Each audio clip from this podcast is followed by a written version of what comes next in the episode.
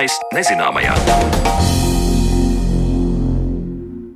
Esiet sveicināti raidījumā Zināmais nezināmajā. Ar jums kopā esmu es Sandra Kropa, un šodien mums eh, būs tāds sievišķīgās noskaņās šis raidījums, jo tas veltīts zinātniecēm, kas ar savu darbu palīdz tapt jaunām tehnoloģijām, diagnosticēšanas un ārstniecības metodēm, un kas sasniegušas tik labus rezultātus, ka ir izpelnījušās gan vietējās, gan starptautiskās zinātnieku sabiedrības atzinību. Ar trim UNESCO L'Oreal sievietēm zinātnē stipendijas laureātēm, kas apbalvotas šogad, mēs tiksimies raidījuma otrajā daļā, bet pirms tam palūkos paklausīsimies, kā tālāk attīstījusies karjera zinātniecei, kas pie apbalvojuma tika 2009. gadā. Bioloģija Karina Siliņa 2009. gadā saņēma L'Oreal stipendiju sievietēm zinātnē, un šobrīd jau vairākus gadus veiksmīgi darbojas Cīrihas Universitātē. Kā viņai veicies pēdējos gados un kā attīstījusies viņas karjera, vairāk interesējās mana kolēģe Zane Lāce Baltalksne. Pētniecība, lai veiksmīgāk atpazītu un veiksmīgāk ārstētu vēzi. Par to zinātniece Karina Siliņa saņēma L'Oreal stipendiju 2009. gadā, kad viņa studēja Latvijas biomedicīnas pētījumu un studiju centrā. Nu jau vairākus gadus Karina turpina pētījumus Cīrihas Universitātē šajā jomā.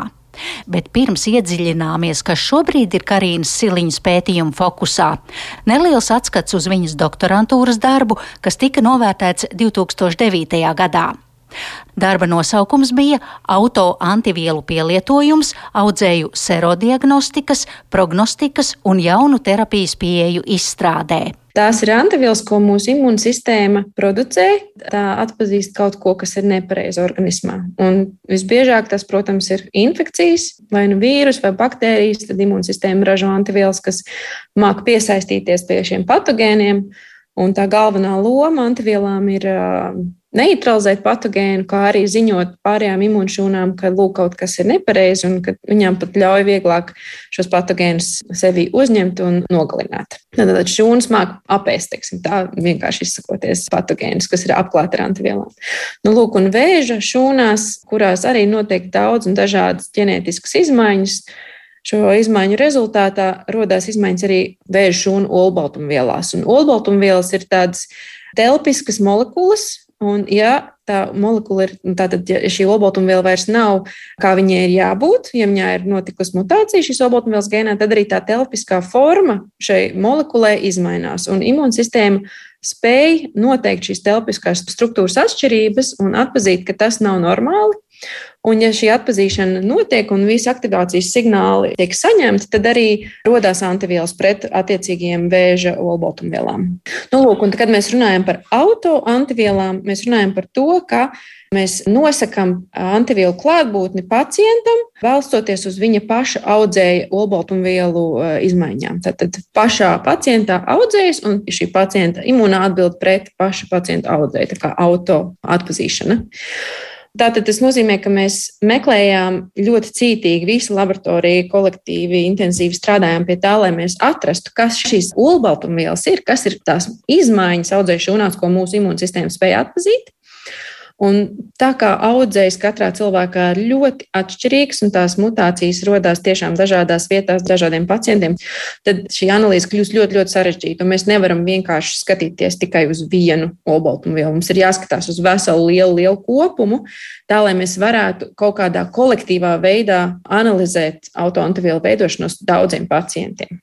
Tā centrālā doma mums bija, ka tā kā imūnsistēma mūsu organismā spēja atpazīt audzēju pat pirms tas ir kļuvis par nopietnu veselības problēmu, tad mēs cerējām, ka šī imūnās reakcijas analīze, tātad šo autoantivielu atrašana, mums varētu palīdzēt izstrādāt jaunu agrīnas diagnostikas testu.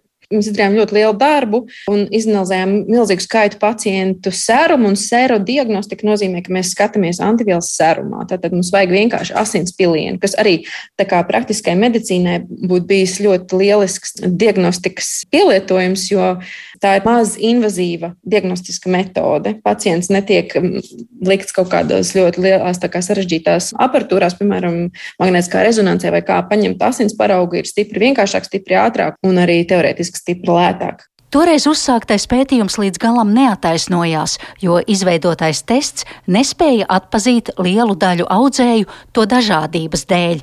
Tomēr iegūtā pieredze, uztrenētā kritiskā domāšana un jaunu ideju meklējumi ļāva Karīnai turpināt pētījumus vēža diagnostikā. Un šobrīd Karina Siliņa ir saņēmusi Šveices valdības atbalstu savas pētnieciskās laboratorijas izveidei, kurā viņa turpina skatīt imūnsistēmas lomu audzēju šūnu atpazīšanā. Mūsu imūnsistēmai piemīt ļoti liela, ļoti īpaša spēja atpazīt nepareizas šūnas. Audzēju šūnas, kā jau minēju, var izskatīties nepareizas imūnsistēmai, jo viņās ir daudz dažādas ģenētiskās izmaiņas. Tas nozīmē, ka mūsu imūnsistēma teorētiski var nogalināt vēža šūnas, jo imūnsistēmas šūnām, tā saucamajām T šūnām, tiešām piemīt tāda spēja, ja viņas atrod kaut ko, kas nav pareizs, tad viņas izdala toksiskas molekulas, kas to mērķu šūnu nogalina. Savukārt tādas saucamās B šūnas ir tās, kas veido antivielas. Un antivielas ir tās, kas var apklāt vēža šūnas un arī pildīt toksisku funkciju, kā arī citām imūnšūnām ziņot par to, ka te kaut kas ir nav pareizi un, un arī pastarpināts labvēlīgs efekts pacientam izraisīt. Tātad mums ir B šūnas un T šūnas, kurām piemīt šī absolūtā spēja specifiski atpazīt kaut ko, kas nav pareizs. To sauc arī par tā saucamo adaptīvo imunitāti, adaptīvā imūnā atbilde, jo viņi adaptējās, viņi spēja atpazīt kaut ko, kas ir jauns. Nu, lūk, vēzis jau nepaliek uz vietas sādēdams. Tajā brīdī, kad pacients nonāk slimnīcā, tas vēzis ir attīstījies tik tālu, ka viņš ir iemācījies izvairīties no imūnās atbildes. Pateicoties tam, ka vēža šūnās notiek dažādas ģenētiskās izmaiņas, arī ļauj vēža šūnām sekot praktiski tādam mikroevolūcijas procesam un atlasīties aizvien agresīvākiem un aizvien imūnsupresīvākiem vēža kloniem, kas tālāk pārņem pacientu. Šobrīd viena no tādām aktuālākajām hipotēzēm vai tēzēm vēža imunoloģijā ir tāda, ka pateicoties imūnu šūnu spiedienam, īstenībā vēzis atlasās par agresīvāku slimību, laikam ritot. Viena tāda diezgan nu, populāra teorija šobrīd. Tātad, jo aktīvāk mūsu imūnsistēma spiež uz vēža šūnām, jo tās veiklāk slēpjas no tās. Principā vēzim piemīt tāda spēja to izdarīt. Protams, ļoti lielā daļā gadījumu imūnsistēma tiks ar vēža šūnām galā. Viņam nebūs laika vai neizdosies noslēpties. Bet tāpēc arī nav tā, ka 100% cilvēkiem ir vēzis. Ir tikai vienai trešdaļai cilvēku vēzis kaut kad dzīves laikā. Un imūnsistēma ir milzīga loma šī mazā procentā, teikt, pastāvēšanā. Bet tomēr vēža šūnām ir bioloģija, ir, ir daudzveidība mūsu organismā un ir, ir dažādi aspekti, kas nav labvēlīgi mūsu imūnsistēmai, ko mēs paši darām, piemēram, augsts stress. Un mēs ļoti labi zinām, ka lietojot alkoholu un, un smēķējot, ir paaugstināts vēža risks. Šīs visdažādie aspekti veicina to, ka audzēju šūnas spēs veiksmīgāk tikt galā ar imūnsistēmu, ātrāk izmainīties, ātrāk adaptēties Piemēram, viens no veidiem ir, ja imūnsistēma ir iemācījusies atpazīt konkrētu olbaltumvielu audzēšanā šūnā, audzēs šūnu, pateicoties ģenētiskai nestabilitātei, var tikt vaļā no šīs olbaltumvielas. Vienkārši vairs viņu neražot. Tas nozīmē, ka viņa kļūst neredzama tām imūnšūnām, kas ir iemācījušās to atpazīt. Jūs jau astoto gadu veicat pētījumus Šveicē. Pastāstiet konkrētāk, kas šobrīd ir jūsu pētījuma mērķis. Tad, kad es pārvācos uz Šveici, man bija tā iespēja izstrādāt viena gada pētījumu projektu sadarbībā ar Šveices laboratoriju par jaunu tēmu. Un šī jaunā tēma, pie kuras es tātad strādāju vēl joprojām, astoņus gadus vēlāk, ir saistīta ar imūnšūnu infiltrēšanos audzējā pašā, pašā audzēja orgānā. Un kad imūnšūnas infiltrējās, ir viens īpašs fenomens, kas notiek daļai pacientu. Šīs imūnšūnas sanāk kopā tādās grupiņās. Un šīs grupiņas nav vienkārši tāpat vien, viņas sāk izskatīties pēc limfmezgla. Limfmezgls ir mūsu imūnsistēmas orgāns. Mums ir ļoti daudz limfmezglu viscaur mūsu ķermenim. Un šajos limfmezglos imūnas šūnas nonāk no audiem, tad viņas pa limfvadiem nonāk limfmezglos, un limfmezgli ir ļoti, ļoti svarīgas vietas mūsu organismā, jo tur notiek imūnšūna aktivācija. Tad tajā centrālā imunoloģijas dogma ir tāda, ka mums ir nepieciešama limfmezgli, jo viņi nodrošina tā tādu vietu, kur antigēns, tad šī izmainītā olbaltumviela var satikt savu atpazīstošo tēšanu vai bēšanu. Ja tas būtu jānotiek visā ķermenī, visā mūsu cirkulācijā, tad tam vienkārši tā varbūtība ir vaiprātīgi maza, ka jebkura tēšana vai bēšana spētu ar šo olbaltumvielu satikties. Bet līmfmezgli ir tās vietas, kur tēšanas un bēšanas koncentrējās, un arī olbaltumvielas, kas no audiem filtrējās caur līmfu, nonāk šajos līmfmezglos, un viņām ir daudz lielāka varbūtība satikties un aktivēties. Nu, lūk, es pētu šīs imūnšūnu grupiņas, kas saucās terciārās limfoidās struktūras, kas tiešām veidojās tieši blakus audzējiem. Iedomāsimies, ja ir plaušu audzējs, tad šīs struktūriņas veidojās audzēja perifērijā, normālo plaušu audos, tieši blakām audzējiem. Tā tad ir kaut kas, kas pirmkārt šīs imūnšūnas tur pieaicina, kas viņus tur notur, un, un treškārt ļauj viņām tiešām laikam ritot, veidoties tādās telpiskās struktūrās, kas sāk atgādināt jau limfmezgla organizāciju. Bez tam, kad mēs novērojam šo limfmezglu organizāciju, ir novērot arī, ka šajās struktūriņās, kas veidojās, pieņemsim, plaušās vīrusu infekcijas rezultātā, tiešām imūnšūnas spēja aktivēties. Tātad ne tikai struktūrāli tās atgādina limfmezglus, bet arī funkcionāli. Nu, lūk, un tā man uzmanību piesaistīja tajā brīdī tas, ka audzēja imunoloģijā B šūnas, jeb tātad tās šūnas, kas veido antivielas, Viņas netika uzskatītas par neko pārāk interesantu, jo viņam nepiemīt šī tiešā citotoksiskā kapacitāte, kas tēšūnām. Un tieši un pētījumi jau bija sākušies jau mm, vismaz pāris desmitgāžu iepriekš ar domu, ka varētu tieši un potenciāli izmantot, lai cīnītos ar audzēju. Nu, lūk, par bēšūnām neviens nedomāja. Savukārt šīs struktūriņas veido galvenokārt bēšūnas, šīs terciārās limfīdās struktūras. Un ko es novēroju tajā brīdī, kad es gan rakstīju disertācijas literatūras aprakstu, gan vēlāk interesējos par bēšūnām, arī šo antivielu producēšanas un ražošanas kontekstā, bija tas, ka ja šādas struktūras tiek novērotas ap audzējiem pacientiem, tad šiem pacientiem ir krietni uzlabota dzīvildze. Tad ir asociācijas starp šādu līmfmezgliem līdzīgu struktūru atrašanos audzējā un labāku izdzīvošanu. Un pateicoties tam, ka mēs uzskatām, ka šīs struktūras tiešām spēj radīt pret vēzi atpazīstošas imunšūnas, tas varētu būt iemesls, kāpēc šie pacienti ilgāk izdzīvo. Tātad mūsu ķermenī imūnsistēma rada šīs limfai līdzīgās saliņas, eh, kuras nogalina tur līdzās esošo radušos vēzi. Tieši tā, jā. Tas moments, kad mēs saņemam pacientu materiālu, lai varētu šo informāciju analizēt, ir visbiežāk operācijas materiāls. Un liela daļa pacientu tiešām nonāk operācijā, pirms viņi ir saņēmuši kādu citu terapiju. Tad audzējs tiek izgriezts, Šo audzēju materiālu mēs varam sagriezt ultraplānās šķēlītēs, uzlikt uz mikroskopijas stikliņa un ar dažādām metodēm krāsot un, un detektēt šo imūnšūnu klātbūtni un vai viņas ir vai nav šo struktūriņu sastāvā. Nu, lūk, un principā šis ir tāds kā tāds mirkļu uzņēmums, ko pacienta imūnsistēma tajā brīdī ir darījusi. Ja mēs redzam, ka šī pacienta imūnsistēma ir bijusi spējīga eh, radīt šīs imūnšūnu struktūras ap audzēju, tad laikam ritot, mēs varam salīdzināt, kurš pacients ilgāk izdzīvoja, un neatkarīgi no tā, kādu tālāk viņš terapiju saņēma. Tātad imūnsistēma, ja mēs pieņemam tā hipotēze, ir tāda, ka ja viņa ir bijusi aktīva un ir spējusi atpazīt vēzi, viņa ir varējusi veidot šīs struktūras, un šī imūna atbilde ir palīdzējusi arī tālāk terapijām veiksmīgāk ritēt.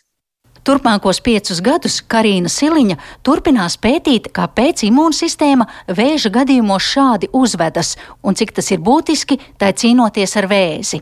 Ko tas nozīmē? Ja tas ir tiešām kaut kāda unikāla pievienotā vērtība tam, ko limfmezgls spēj darīt, tad mēs varam sākt domāt, kā mēs varētu šo procesu veicināt pacientiem, kam tas nav noticis līdz šim. Un tad tā jau ir jauna terapija. Tāpēc šobrīd ir ļoti svarīgi saprast, kas ir cēlonis un kas ir sekas šai labajai dzīvildei. Paldies Zanēlācei Baltalksnei par sagatavoto stāstu, bet par zinātniecēm, kas šogad izpelnījušās Lorēla stipendijas sievietēm zinātnē atzinību, mēs stāstīsim pēc brīža.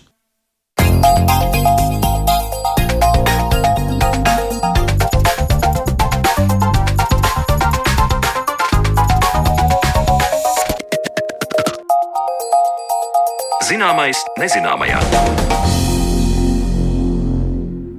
Nu jau ir ierasts, ka vasaras sākums ir laiks, kad ne tikai Latvijā, bet visās Baltijas valstīs īpaši tiek godinātas sievietes zinātnē. Kā ik gadu arī raidījums zināmais nezināmajā piedāvā iespēju ikvienam iepazīt, ko tad šī gada laureāts dara un par ko ir izpelnījušās augsto novērtējumu. Ar šī gada Latvijas trīs stipendijātēm mēs tiekamies šodien arī raidījumā. Mums studijā ir eh, fizikas zinātņu doktore Ilze Lihačova. Labdien! Labdien. Ilze ir arī Latvijas Universitātes atomfizikas un spektroskopijas institūta biofotonikas laboratorijas vadošā pētniece. Un tepat studijā mums arī ir inženierzinātņu doktorante Laura Vītola. Sveicināti! Labdien! Laura ir Rīgas Tehniskās Universitātes būvniecības inženierzinātņu fakultātes pētniece, bet telefoniski ar mums kopā ir arī trešā šī gada laureāta, tad uh, inženierzinātņu arī doktorante Anda Barkāna. Sveika, Anda! Labdien! Un Anna mums ir Rīgas Tehniskās Universitātes materiāla zinātnes un lietišķās ķīmijas fakultātes polimēra materiāla institūta pētniece.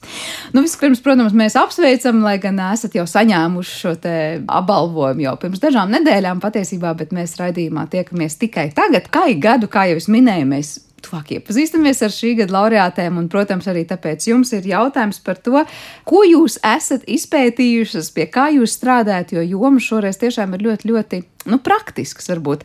Es varbūt sākšu ar Andu, jo tās stāsts ir par 3D printeriem, precīzāk tas, ko printeros liek iekšā. Un, lai šīs 3D tintes būtu vidēji draudzīgākas, es saprotu, Anda, jūs strādājat pie nu, tādas ļoti vidēji draudzīgas 3D printes, tintes izstrādes. Uh, pastāstiet, kas tas īsti ir? Nu jā, principā mēs cenšamies uzlabot uh, jau iepriekš mūsu izstrādātu biobāzētu tinti, lai aizstrātu šos komerciāli naftas taisītās tintas.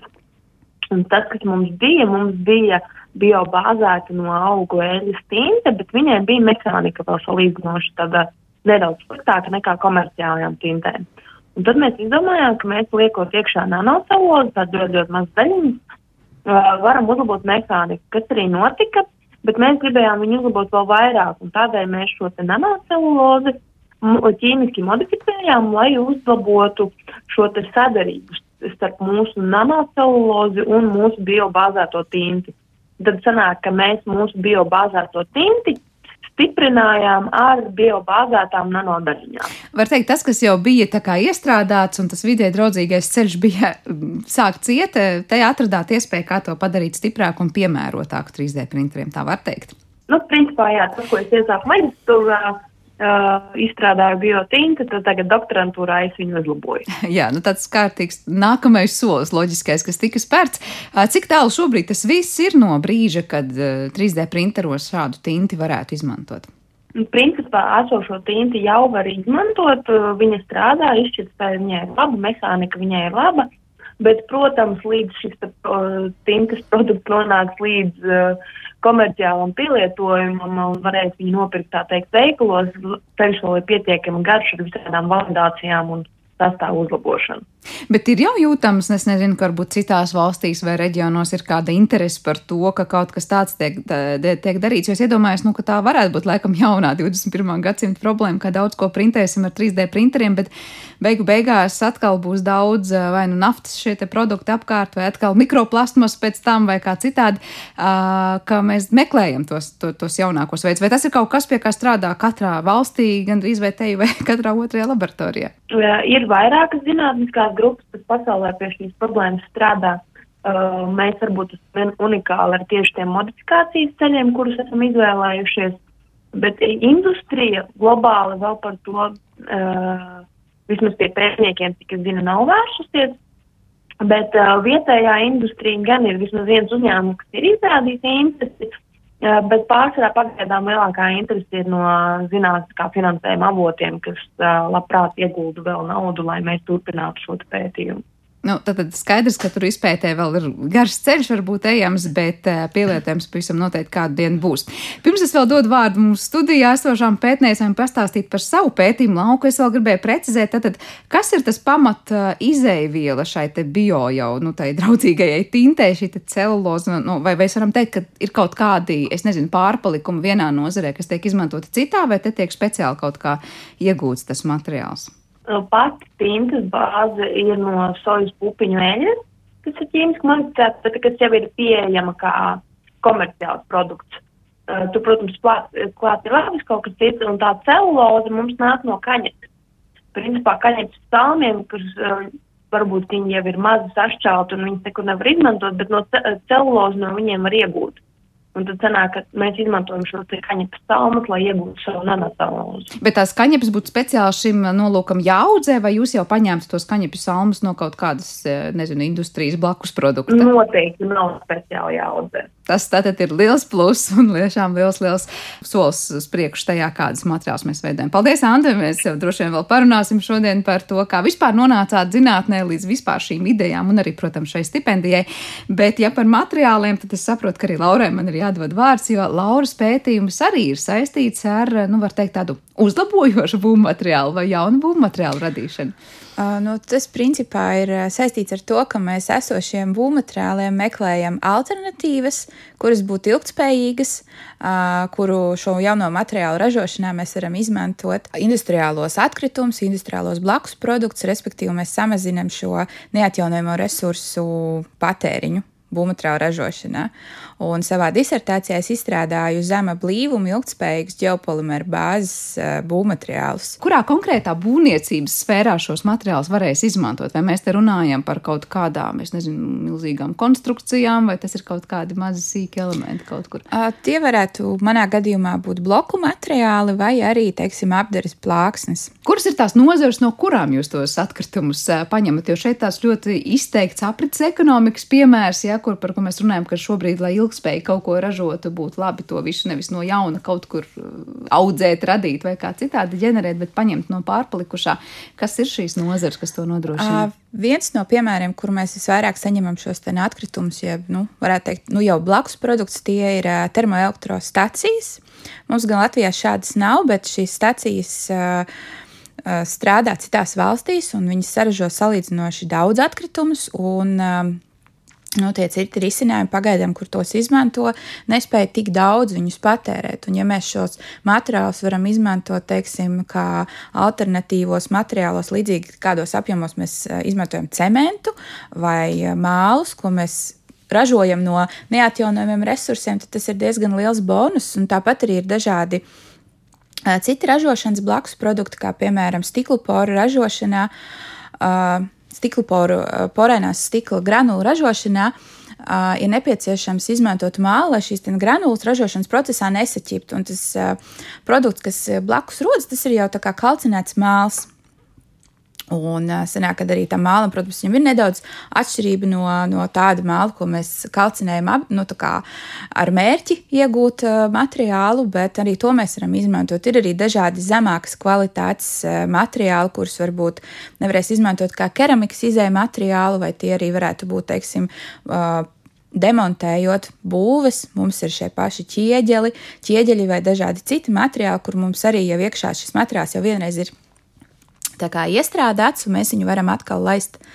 Izpētot tā sastāvu, izpētot īpašības, mēs varam atkal piemeklēt tam risinājumu uh, būvmateriālu ražošanā.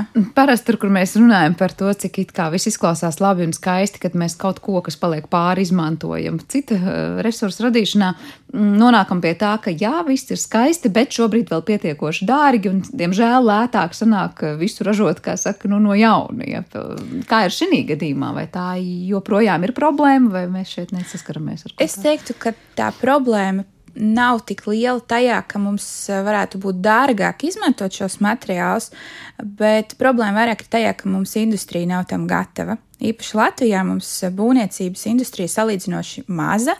Ja mēs salīdzinām, pieņemsim, ar Spāniju vai Ameriku, um, līdz ar to mums ir ļoti maz speciālistu pēc skaita, un viņi nav gatavi pārmaiņām tik daudz. Protams, ir arī izņēmumi, bet kopumā mūsu sabiedrība tam nav gatava.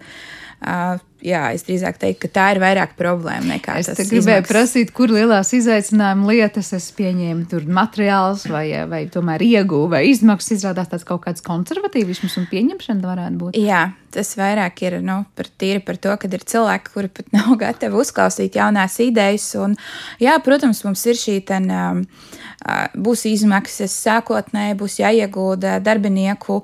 Tā kā izglītošanā, būs, būs jāiegūda iespējams iekārtās, bet tā jau ir tā ilgspēja, ka mēs domājam tālāk, un mēs šodien ieguldam, lai pēc gadiem mums tas atmaksātos, un nevienmēr atmaksāšanās notiek naudā.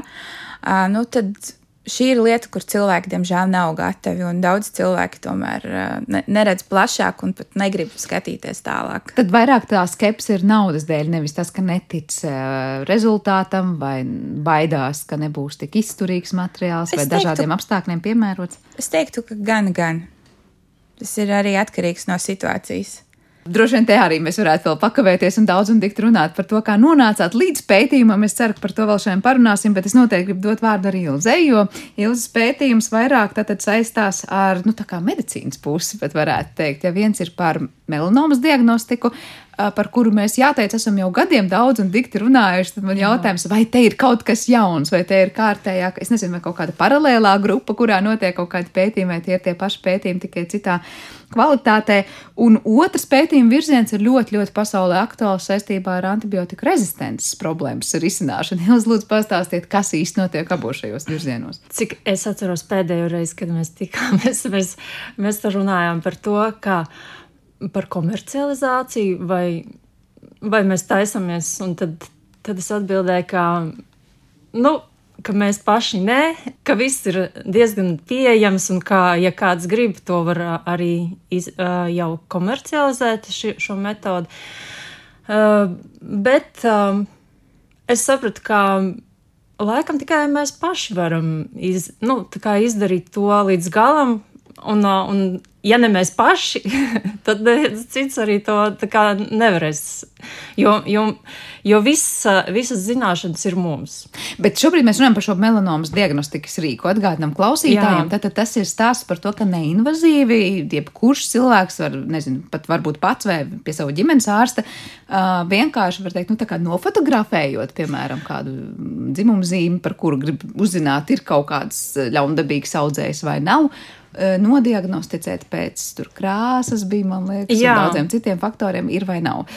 Varbūt pavisam īsi varam ieskicēt. Jā, tur... mēs uh, atradām uh, viļņa garumus, tas ir uh, konkrēts uh, krāsas gaismas mēs izmantojam, kas dod mums informāciju par tiem pigmentiem ādā, kas ir.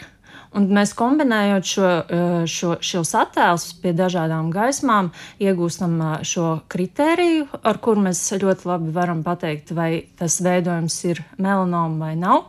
Un uh, papildus tam mums, uh, mēs esam vēl izveidojuši mākslīgā neironu tīklu, kas arī ir apmācīts uz šīm krāsu bildēm. Un arī ar šo metodi mēs ieguvām augstu precizitāti melanomas diagnostikā.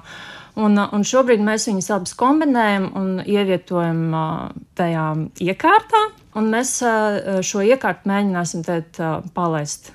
Iekārta kaut kas līdzīgs mobilam telefonam. Tas kaut kas mazs un ērti lietojams. Nu, šobrīd vai... viņš ir uh, mazliet lielāks kā mobilais telefons. Viņš ir tāds fēna izmēra. Tā, tāda. Veidu. Bet, jebkurā gadījumā, nu, tas nav kaut kas milzīgs, un tas nav kaut kas, kas prasa milzīgas, īpašas, iekārtotas telpas un daudz ko Jā. citu. Kā ir ar to otru virzienu? Liekas, melanoma viens virziens, un tāpēc antibiotika rezistence. Kāds tur Jā. sakars? Pie melanomas diagnostikas strādā, esmu strādājusi jau ļoti ilgi, tā kā vairāk kā desmit gadus. Arī šajā virzienā, tajā multispektrālās attēlošanas virzienā, mēs arī kustamies tālāk. Un šīs metodas tiek jau pielietotas arī reto pacientu diagnostikā, kas ir arī ļoti svarīga problēma.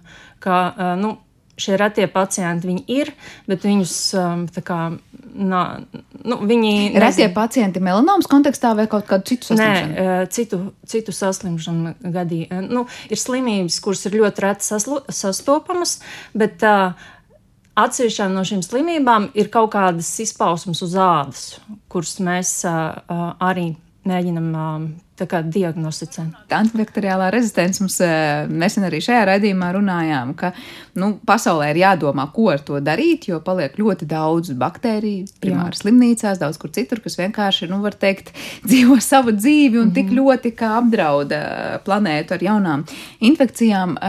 Kā lāzeri vai, vai, vai šī spektra lietas eh, palīdz risināt šo problēmu? Eh, nu, tā problēma ar tām baktērijām ir tā, ka uh, tad, kad uh, cilvēkam ir šī infekcija un viņu uh, grib izārstēt, uh, bieži vien izmanto um, antibiotiķus, kas kā, nav konkrēti šai baktērijai paredzēti.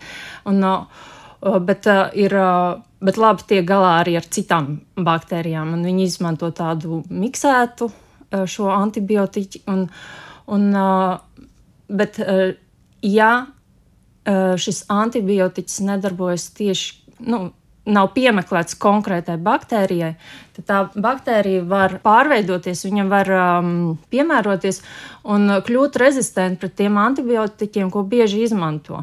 Un, uh, mēs viņu vairs nevaram uh, nogalināt ar, ar tiem esošiem antibiotikiem. Tad vajag atkal jaunas, jaunas zāles. Un tāpēc ir standarta metode, ko izmanto klīnikās, kā tiek izaudzēta šīs baktērijas, un viņas tiek pārbaudītas uz dažādiem antibiotiķiem. Un tiek piemeklēts konkrēti viņai kā, precīzi zāles, ar kurām viņu var nogalināt. Bet šī metode ir diezgan ilga.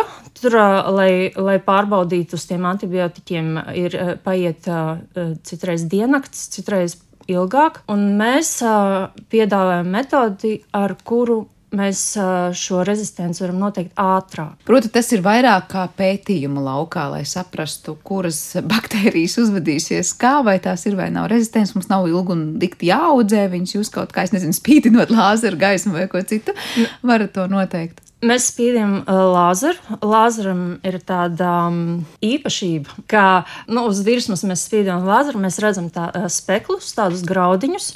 Un, uh, ja uz virsmas notiek kaut kāda kustība, tad šie graudiņi maina intensitāti. Un mēs ar savām metodēm ļoti ātri varam ieraudzīt, ka, ka šī intensitāte mainās, un mēs varam um, ātrāk noteikt šo rezistenci. Tur ir tāda lieta, ka ir tie antibiotiķu diski, un uh, viņus uzliek uz Petri plates, kurā ir uh, baktērijas.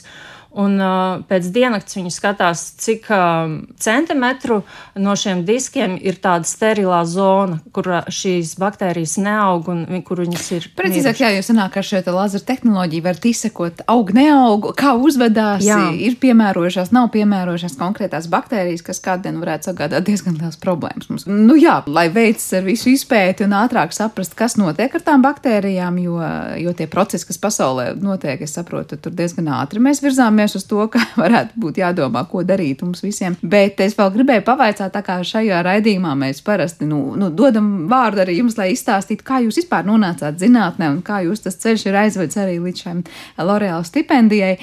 Vai tas, pie kā jūs strādājat, un šīs tēmas bija kaut kas, kas nu, urdīja sen, sen un likās, nu, es kādu dienu ķeršos klāt vien būvmateriāliem vai, vai 3D printeru tintēm vai, vai konkrēti, es nezinu, šajā gadījumā gan audzēju diagnostikai, gan kādu nešpētnu baktēriju diagnostikai, vai tas ir kaut kāds nu, nejaušība ķēde, kā jūs līdz tam nonācāt. Un patiesībā varētu teikt, ka nezinu, kaut kad bērnībā vispār nemaz nedomājāt, ka būsiet zinātnē.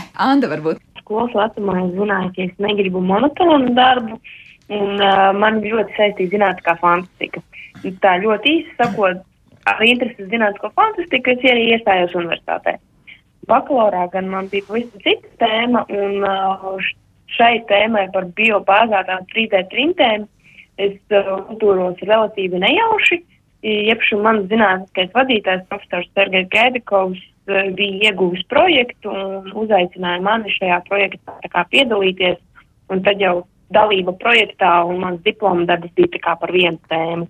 Attiecīgi doktorantūrā tad šī tēma tika turpināta nu, ar nanodaļiņām, ar visu pārējo, un tās tā nosacīti nejauši, bet uh, zinātnē kā vadītāja virzīta. Bet viss sākās ar zinātnisko fantastiku, jā, tādā zinātnes ievirzē. Jā, to, ka tas bija interesanti, un es zināju, ka man patīk visu laiku kaut ko jaunu, uzzināt, izdomāt un tādā garā. Paldies, kā jums, abām. Tā arī bija, nezinu, kaut kāda bērnības sapņa lieta būt zinātnē. Tā bija kaut kāda konkrēta cilvēka ievirzīta lieta, kur nonācāt Ilza. Es katru reizi, kad es domāju par to, kā es nonācu zinātnē, man ir kaut kāda cita atbilde uz to. es domāju, ka tas ir vienkārši man, priekš, man tas ir tāds kopums, man vienkārši patīk daba, man patīk dabas zinātnes, un, uh, un, un man viņas viss arī padevās. Un, um, bija vien, vienīgais jāizvēlas, kuru, kuru es, uz, uz kuru es iešu. Un, uh, Un tajā brīdī varbūt sakrit tas, ka es biju paņēmusi kursus Ventspils augstskolā, un tur bija tāds uh, profesors Juris Žagars, un viņš stāstīja par astronomiju daudz, un es domāju, jā, tas ir, tas man, tas ir tik interesanti, es gribu to. Tad, tad es tur izstrādāju zinātnisku pētniecisko darbu pie viņa un par to Irbenes radioteleskopu.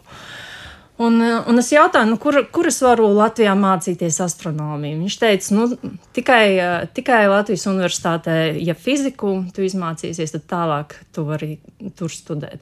Nu, tad es, tad, Tad es lēmu par labu fizikai. Bet, redz, kā nonākot fizikā, tad tālākais ceļš uz astronomiju tā kā nu, noscīt apstājās. Ja? Jo vairāk pat tādā Nē. medicīnas fizikā sanāca. Nē, sākotnēji es tiešām arī strādāja astrofizikā, un uh, bakalaura darbs man bija astronomijā, bet tālāk man gribējās kaut ko, kaut ko vēl. Nu, kā, tas man likās varbūt pārāk. Nu, kaut ko ar dzīvo saistīts, ar kaut ko, ar kaut ko dzīvu, ar cilvēkiem. Kā, kā, nu, Liekas, ka tur varbūt man būs interesantāk. Bet joma šobrīd jau sanāk tā, tā kā medicīnas fizika vairāk. Jā, tā jā. Kā tāds no astronomijas līdz fizikai, nu, precīzāk, un, un pavisam noteikti tādā medicīnas fizikai tas ceļš. Jā. Uh, jā. Kāds, kāds Laurai ceļš no, es nezinu, kurienes, no citas ne, nozares vai no, no sapņa par pilnīgi citu profesiju, vai savukārt zinātne vienmēr ir bijusi skaidra izvēle.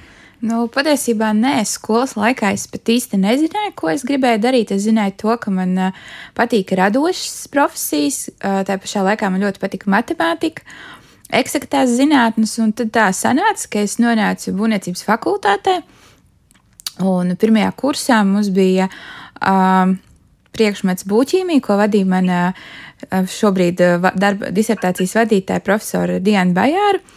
Un uh, arī tīri sakritības pēc viena kursa biedrene tajā dienā nebija. Līdz ar to es visur kopā uz lekcijām devos ar citu kursu biedru nekā ierasts. Un, uh, nu, sanāca tā, ka es vienkārši viņam stāvēju blakus brīdī, kad viņš pajautāja manai profesorai, vai viņš varētu laboratorijā pastrādāt. Un tad, kad profesors pagriezās pēc manis un pajautāja, varbūt arī vēlies, nu, man kaut kā tā sanāca atbildēt, ka jā. Un tad tas viss sākās, kad um, aizgāju uz laboratoriju. Sākumā palīdzējām vienam manam kolēģim jaukt pulverīšus. Tajā laikā man vispār nebija nekādas priekšstata par kā notiek zinātne, kas ir publikācijas, kā tas notiek. Priekš manis tie bija dažādi pulverīši, interesanti laboratorija, viss kaut kas jauns, aizraujošs. Un, un tā tas sākās ar um, vienu semestru, tad otrā semestrī jau višķi vairāk, un tā jau pēc, pēc kaut kāda laika man jau bija līgums, man pieņēma darbā, un arī uzreiz tā nu, tā izpratne par zinātni sāka nostabilizēties, un es sapratu, jā, ka tā ir tā mana, mana joma, kas apvieno gan tādas radošas lietas, gan, gan eksaktās zinātnes, un tai pašā laikā nav tāds monotons darbs, tas ir ļoti interesants un, un mainīgs rutīna, tur nav nevienu dienu. Mēs te pēdējā laikā daudz runājam ar cilvēkiem, kas šobrīd, piemēram, mācās vēl skolā, un tad ir jāizvēlās kaut kāds virziens, un tikko tas pieminētais patika gan radošais, gan eksaktais, liekas, o oh, jā, redz, kur ir zinātne viens variants, ko darīt. No otras puses, mēs te pretim sēžam, jā, radoša profesija, kur nu mazliet ir jā, jāpatīk eksaktām lietām un var komunicēt par zinātni. Un mēs nonācām pie secinājuma, ka ļoti būtisks ir kaut kādas noteiktas rakstura īpašības vai, es nezinu, temperamenta iezīmes, kas pateiks, nu, tev var patikt, bet varbūt zinātnieks tu īsti labs nebūs. Kā jūs pateikt, kas ir tas svarīgais, lai cilvēks varētu strādāt zinātnē? Nu, no savas pieredzes vai kolēģu pieredzes, vai, vai kādas atkal rakstura īpašības būs tās, kas pateiks, nē, varbūt labāk ej stāsti par zinātni bet, eh, bet būt zinātniekam prasīs vēl kaut ko. Es teiktu, pirmām kārtām vajadzīga ir komanda, un tad jau var salasīt. Viens varēs uzsākt, otrs, otram būs spēka turpināt, un trešais to visu pabeigs un skaisti noformēs, lai visi saprastu. Bet, manuprāt, zinātniekam būtiskākais ir nezaudēt visu savas karjeras laikā to bērnišķo zināt, kā arī, ka visu laiku gribas nu, uzzināt, ko vēl var cik, cik tālu vēl kaut kādas lietas mēs varam izzināt, un ka visu laiku ir tas, nu, tā zināt, kāra, bet tāda bērnišķīga, jo, nu, zinātniekam jābūt nedaudz trakam, es teiktu, jo parasti, nu, mums bieži vien ir nācies dzirdēt, ka, nu, jā, jūs jau zinātnieki. Jūs pārāk nopietni un kastītē, bet patiesībā pilnīgi pretēji. Jā. Vai Ilzē Andē būs kas piebilstams vai iebilstams par to, ko tikko Lāra teica? Es to jūtu tā, ka man, man ir šie jautājumi, kāpēc, kāpēc tas tā ir, nu kāpēc? un gribās iet dziļāk un dziļāk, un, un es negribu fantazēt, kāpēc. Es gribu zināt tieši, nu, tieši kāpēc. Vēl viena īpašība, kas noteikti būs par labu zinātnes karjerai. Jā, un komanda, tas ir spēks. un tad to arī, nu, pa īstam izbaudīt to profesiju, ka tev ir forša komanda un uh, kaifs. To mēs pēdējā laikā daudz Jā. no zinātniekiem dzirdam, ka ir aizgājis tas gadsimts, kad zinātnē strādā individuāli, lai gan ir, protams, konkrēts vietas un brīži un varbūt aspekti, kuros, bet tas ir komandas darbs. Anda, vai būs vēl kas, ko piebilst, jo te jau meitenes Jā. daudz izteicās? Principā abām meitenēm kolēģiem var tikai piekrist par to zinātkāri un komandas darbu. Viena lieta, ko es varbūt varu papildināt, kā es to saprotu un esmu piedzīvojusi, uzsākot zinā, zinātnē darba gaitas, ir noteikti jābūt šai ārkārtīgi lielai zinātkārtei, kur nedrīkst pazaudēt. Bet ir jābūt arī nelielai drosmei, lai zinātu, lietās jau, kad pāris soļi ir spērti, lai būtu pietiekami drosmīgiem, tā kā izteikt jau savas hipotēzes un piedāvāt kaut kādus savus šos skaidrojumus un nepaļauties tikai uz citiem, Jo zinātnieks ir tāds, kurš rada šīs jaunās zinātnes, kurš saprot kaut ko, ko līdz šim neviens cits nav sapratis. Viņam ir jābūt pietiekami drosmīgam, lai to pateiktu citiem. Pavisam īsi noslēdzot šo sarunu, mēs parasti tiekoties ar L'Oreal stipendijātēm, sakām, nu tad kā šis bija jūsu pirmais gads un veiksmīgs, vai es saprotu, ka ļoti daudzām ir tā, ka piesakās daudzas, daudzas gadus, un tad tikai tiek pie stipendijas, kā jūs gadījumā ir kurš variants ar pirmo reizi? Man ir ļoti, man liekas, ka no paša sākuma jau es piesakos, un, uh, un Nu, acīm redzot, šobrīd viņi novērtē. Ir, ir tas īstais, vai tas pētījums ir aizgājis tik tālu, ka tas jā, īstais klikšķis? Jau ir bijis. tik daudz uzkrāts, mm. ka, ka jā. Laura, kā ir? Nu, man ir līdzīgi. Arī tad ne pirmā jā. reize, ja? Un Andai? Es šogad pieteicos otru gadu. Jā, tas salīdzinoši tāds sprinter šajā distancē, nevis tālo distanču skrējēji. Nu, tad katra lūdzu pasakiet vēlējumu vai iedrošinājumu vārdu vai vadmotīvu, kādai zinātniecei, kas varbūt vēl nav pieteikusies, bet nākamgad par to domās, vai savukārt pateiks, es jau no paša sākuma piesakos un nekādi, bet redz, ka sanāk tomēr. Eh, nu, noteikti tām zinātniecēm, kas vēl domā, vai ir vai nav vērts pieteikties, tā kā nenoniecināt sevi un apzināties, ko jūs izdarījuši un ka tas, ko jūs izdarījis, patiesībā ir daudz. Es teiktu, ka mēs visi esam principā pelnījuši šo balvu, bet, nu, diemžēl ir tikai trīs gadā, un eh, tāpēc, jā, es ieteiktu tomēr pieteikties, bet, nu, arī, ja nesenāk, tad uh, atcerieties to, ka uh, mēs esam tā vērtas, un, un mūsu pētījumi, pat ja kādam tie šķiet netik nozīmīgi vai netik svarīgi, uh, tomēr kopumā uh, mūsu katra mazais ieguldījums jau uh, dod šo kopējo attīstību, ko mēs visi kopā ejam. Tāpēc, uh, jā, es ieteiktu visām pieteikties un sevi novērtēt vairāk. Neatkarīgi no tā, ko saka žūrija. es uh, arī varu tikai pie, piekrist, ka vajag pieteikties. Stipendija ir patīkami. Tas ir patīkami, bet ne, ne dēļ tā mēs to darām. Es domāju, ka, ka nu, tā stipendija tiešām ir tikai uz trim uz, uz trim sievietēm katru gadu. Bet būtu ļoti bēdīgi, ja kāds to darītu tikai dēļ šīs stipendijas. Tā kā katrs darbs ir ļoti svarīgs un ļoti vērtīgs. Prieks, ka šogad jūs esat tās trīs, kas esat novērtētas ne tikai no žūrijas puses, bet es domāju arī no daudz, daudz citu jūsu kolēģu puses. Un es domāju, mēs visi auditorijā gaidām, lai jūsu darba rezultātam būtu tiešām jau drīz, drīz pielietams. Ja drīkst piebilst, es arī gribētu pateikt, ka ir ļoti svarīgi mums dažkārt sev atgādināt un uzlikt uz papīra to, ko mēs ikdienā darām. Tad, kad mēs strādājam garās stundas laboratorijās vai pie datora, nu, mēs, mēs nejūtam to, cik daudz mēs esam sasnieguši. Bet reizi gadā, kad ir šī iespēja pieteikties, tomēr ir jāsaliek visu uz papīra, ko mēs esam izdarījuši. Un tu, kad tu sūti to pieteikumu, tu redzi, jā, bet, bet es esmu tik forša. tik es daudz reā, kas ir izdarīts. Jā, un, un tad ir pilnīgi tā, pa kuru laiku, kā es to dabūju gatavu. Un Tas arī ir ļoti svarīgi uzlikt uz papīra un sev atgādināt, jo ikdienā mēs bieži vien esam darbos iegrimušas un daudz strādājam. Un, Mēs pat nepamanām, ko mēs varam, un varbūt arī apkārtējie, īpaši šajā laikā, kad visi ir ar daudz ko citu aizņemti, un tad mēs uzliekam uz papīra, un tad mēs varam pa, paši sev atgādināt, cik, cik daudz mēs esam izdarījuši, un tad ir to tā vieglāk kā, apjaust un sevi novērtēt. Jā, tāda savu veidu paskatīšanās spoguli. Jā. Jā. Nu, ko, paldies jums par šo sarunu. Vēlreiz apsveicam ar šī gada lielo notikumu un, protams, vēlam veiksmi arī visos tālākajos darbos. Atgādināšu, ka šajā raidījumā bijām kopā ar šī gada L'Oreal stipendijātēm, tātad fizikas zinātņu doktoru Ilzu Lihačovu, inženierzinātņu doktorantēm Lauru Vītolu un Andu Barkāni. Ar to arī raidījums ir izskanējis. Paldies visiem par klausīšanos! Mēs tiekamies jau atkal rīt šajā pašā laikā. Veiksmīgu dienu!